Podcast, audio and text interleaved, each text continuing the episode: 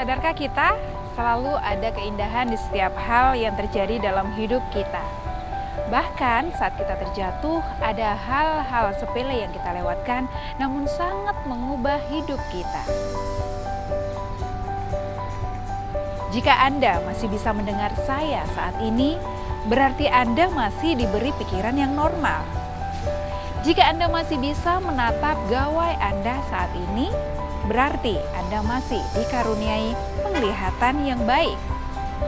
Jika Anda masih bisa sadar saat ini, berarti Anda masih diberikan nyawa dan daya yang utuh.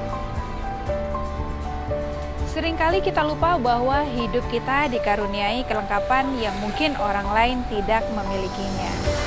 Tahukah bahwa itu adalah hal-hal indah yang bahkan Anda sendiri tidak menyadarinya?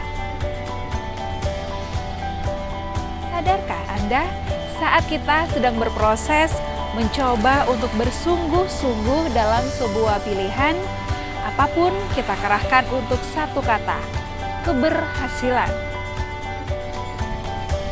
Namun, seberapa kuat kita mencoba bangkit ketika kita jatuh?